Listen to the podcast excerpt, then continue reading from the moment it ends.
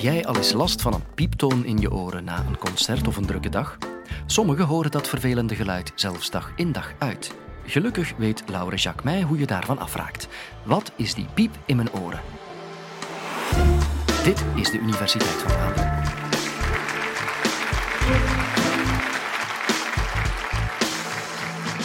Je hebt het waarschijnlijk wel al eens meegemaakt. Een avondje uit geweest en de volgende dag heb je een piep in je oren. Of misschien ga je nooit uit en lig je plots in je bed en beginnen je oren te suizen. Het kan ook geen piep of een suis zijn, maar eerder krekelgeluid, het geluid van machines, het testbeeld van een oude televisie. Nu, al die geluiden die je hoort en die niet in de omgeving aanwezig zijn, noemen wij tinnitus of ook wel oorsuizen. Het is eigenlijk een heel natuurlijk fenomeen dat ook gebeurt wanneer je in een hele, hele stille ruimte wordt geplaatst. Of gedurende de dag hoor je plots een piep opkomen en na enkele seconden verdwijnt die terug. Ook dat ervaren vele mensen dagelijks. Maar waarom horen sommige mensen die piep dan dag in dag uit, van s morgens tot s avonds? Wel, daarvoor moet ik jullie even terugkatapulteren in de tijd naar jullie lessen biologie. Want hoe werkt het oor nu ook alweer? De oorschelp van ons oor die vangt geluid op. En geluid zijn trillingen in de lucht en die worden via de gehoorgang doorgestuurd tot aan het trommelvlies. Het trommelvlies is een heel flinterdun vliesje dat samen met de gehoorbeentjes het geluid gaat versterken en doorgeven aan de cochlea, of ook wel slakkenhuis genoemd, omwille van zijn vorm. En in die cochlea zitten vele haarcelletjes. En die haarcellen die zetten het geluid om in elektrische pulsen. En die elektrische pulsen worden via de gehoorzenuw doorgestuurd naar onze hersenen. En het is pas als die elektrische pulsjes in de hersenen aankomen dat we het geluid gaan horen. Maar wat is er nu zo kwetsbaar aan ons oor? Wel, dat zijn die haarcellen die we zo nodig hebben om het geluid tot in de hersenen te brengen. Normaal hebben we tienduizenden van zo'n haarcellen. Maar worden we een dagje ouder of ga je ze vaak in luid lawaai staan, wel, dan kunnen die beschadigd geraken of zelfs afbreken. En dan herstellen die niet meer zo gemakkelijk. Denk maar aan een ontploffing. Dan worden die haarcelletjes weggewaaid, zoals bij de ontploffingen op Zaventem. Dat is natuurlijk een heel extreme situatie. In het dagdagelijkse leven gaan we dit meer voor hebben als we langdurig aan een heel luid lawaai worden blootgesteld. Bijvoorbeeld, komt er een ambulance voorbij, dat is zo kort, dat is wel luid, maar dat is zo kort dat de kans op schade daar minimaal is. Maar ga je naar een festival waar je dag in dag uit naar luide muziek luistert, wel, dan is gehoorbescherming toch niet zo'n overbodige luxe. En sommigen zeggen dan tegen mij, ja, maar ik heb wel af en toe die piep, maar die gaat dan wel direct terug weg. Wel, dan heb je geluk gehad en dan waren die haarcelletjes weer krachtig genoeg om te herstellen. Maar ga je je vaak aan luid lawaai blootstellen, dan zijn die niet meer zo veerkrachtig en dan gaan die misschien niet meer herstellen en dan blijft het gepiep. Nu, hoe leidt die beschadiging van die haarcelletjes dan tot tinnitus?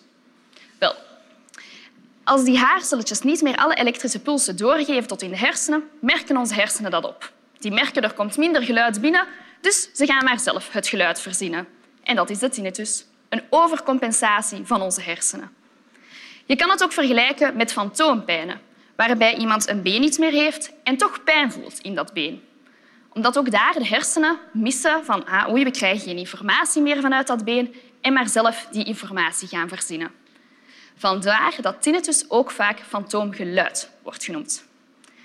Bij sommige personen is zelfs een minimale schade aan die haarcellen voldoende om tot tinnitus te leiden. En dan denken jullie misschien, ja, maar waarom is dat dan dat hoge piep? Waarom is dat altijd dat hoge piep dat we horen? Dat is omdat gehoorschade het vaakst voorkomt in de hoge tonen. Want de haarcellen in het slakkenhuis van ons oor, die instaan voor de hoge tonen, die zitten aan de buitenkant. En die worden daardoor sneller beschadigd dan bijvoorbeeld de lage tonen. Dus ouderdom, slechthorendheid, lawaai, slechthorendheid, dat is voornamelijk verlies in de hoge tonen. En dus onze hersenen missen die hoge tonen, ze horen die niet meer, dus gaan ze zelf maar een hoog gepiep aanmaken. U hoort in de media dat wel eens geregeld passeren, tinnitus, oorsuizen. Maar komt dat dan wel degelijk zoveel voor? Jammer genoeg wel. 15 op 100 volwassenen heeft tinnitus. Dat is toch behoorlijk veel. Nu, gelukkig heeft niet iedereen daar even veel last van. Drie van die 15 personen die gaat naar een dokter op zoek naar een behandeling. Nu, waarom dan niet iedereen er evenveel last van heeft, daarvoor dien ik best even uit te leggen wat het verschil is tussen acute tinnitus, plotse tinnitus en chronische tinnitus, langdurige tinnitus. Acute tinnitus is bijvoorbeeld als je te lang in een luid lawaai hebt gestaan en de volgende dag opstaat met een piep en die piep verdwijnt niet. Wel, in die eerste dagen, in de eerste weken, kan getracht worden met medicatie die haarcelletjes nog te herstellen. Dat is dan ook een reden om met spoed naar een neus of naar een ziekenhuis te gaan. Maar als dat niet gebeurt en die haarcellen blijven beschadigd, dan kan die tinnitus chronisch worden. En dan kan er een vicieuze cirkel optreden in de hersenen. Wat is die vicieuze cirkel? Wel, als mensen voor de eerste keer het oorsuis of de tinnitus horen, dan krijgen ze vaak meteen negatieve gedachten. Ze hebben in de media al negatieve verhalen gehoord over tinnitus en denken, nu heb ik dat ook. Wat nu? En dan denken die hersenen, ah, dat is blijkbaar iets belangrijk. We moeten dat meer in de bewuste aandacht van die persoon brengen, want die vindt dat belangrijk geluid. Die moet dat constant kunnen horen. En dat heeft dan weer een impact op het dagdagelijkse leven van die persoon. Vele patiënten met tinnitus gaan in het dagdagelijkse leven situaties gaan vermijden met veel lawaai uit angst om hun tinnitus erger te maken. Of het ondermijnt hun mentale kracht. En ook dat heeft op zijn beurt weer een effect op die tinnitus. Want hersenen denken, ah, tinnitus is precies wel een belangrijk geluid. Hè. Er krijgt negatieve gedachten rond, aandacht. Die persoon gaat bepaalde dingen in zijn leven niet meer doen omwille van die tinnitus. Dat zal wel iets belangrijks zijn, weet je wat? We sturen dat nog wat sterker door. En zo blijven personen lang die tinnitus hebben en kan die tinnitus chronisch worden. Het gaat dus echt van fysieke schade in het oor tot een interpretatieprobleem in de hersenen. Het is dan ook niet zo zelden dat tinnitus optreedt tijdens een stressperiode. Dan zijn we allemaal wat meer geprikkeld en dan zijn we ook mentaal minder krachtig om nog eens met die piep in onze oren om te gaan. Nu, gelukkig treedt bij de meeste mensen deze vicieuze cirkel niet zo sterk op. Zeker bij de mensen die wat zorgelozer in het leven staan. Die gaan van zichzelf minder aandacht en emotie aan die tinnitus schenken en daardoor gaan die tinnitus vaak minder in de aandacht komen. Nu weten jullie hoe dat tinnitus ontstaat. Is de vraag dan ook, hoe lossen we dat op? Jammer genoeg is dat niet zo gemakkelijk. Er is geen genezing voor tinnitus. De huidige behandelingen zijn er voornamelijk op gericht de last van de tinnitus te verminderen. De meest traditionele en de meest effectieve therapieën zijn tinnitus retraining therapie en cognitieve gedragstherapie.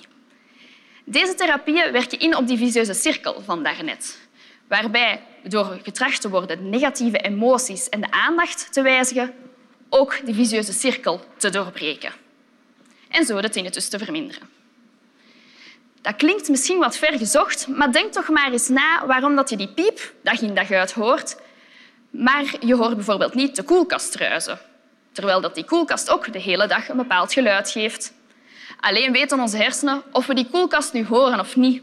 Dat geeft ons geen extra informatie, dat is geen belangrijk geluid. Die onderdrukken dat geluid en we horen dat niet bewust. Of mensen die langs een drukke straat wonen en op den duur horen die die auto's niet meer altijd voorbij komen. Ook omdat ze weten, ah, die auto's gaan niet plots door mijn huis rijden, ik mag daar gerust in zijn. En die gaan dat op den duur nog niet meer zoveel horen. En toch is er altijd wel iemand die zegt, ja, maar ik woon naast zo'n drukke straat en ik hoor nog altijd die auto's elke dag voorbij rijden. Hoor. Dat zijn vaak ook de mensen die er heel veel aandacht en emoties aan schenken. Die zich erin frustreren en het verkeer wordt ook alleen maar drukker en drukker. En daardoor blijven dat verkeer en die auto's in de aandacht komen. Dus tinnitus is niet zozeer een probleem in de oren, maar in de hersenen, waardoor er te veel aandacht en negatieve emoties aan de tinnitus wordt geschonken. Nu zijn dat de enige behandelingen? Nee. Er worden ook meer innovatieve technieken ingezet in de zoektocht naar de optimale behandeling voor tinnitus. Ik werk als audioloog in het tinnitus-team van het Universitair Ziekenhuis Antwerpen en de Universiteit van Antwerpen, waar we onderzoek doen naar het effect van elektrische stimulatie van de hersenen op tinnitus. Waarom elektrische stimulatie van de hersenen?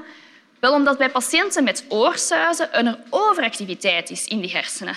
Er zijn heel veel hersenregio's constant bezig met die tinnitus in de aandacht te houden. De aandachtsregio, de emotionele regio en ook de geluidsregio in de hersenen.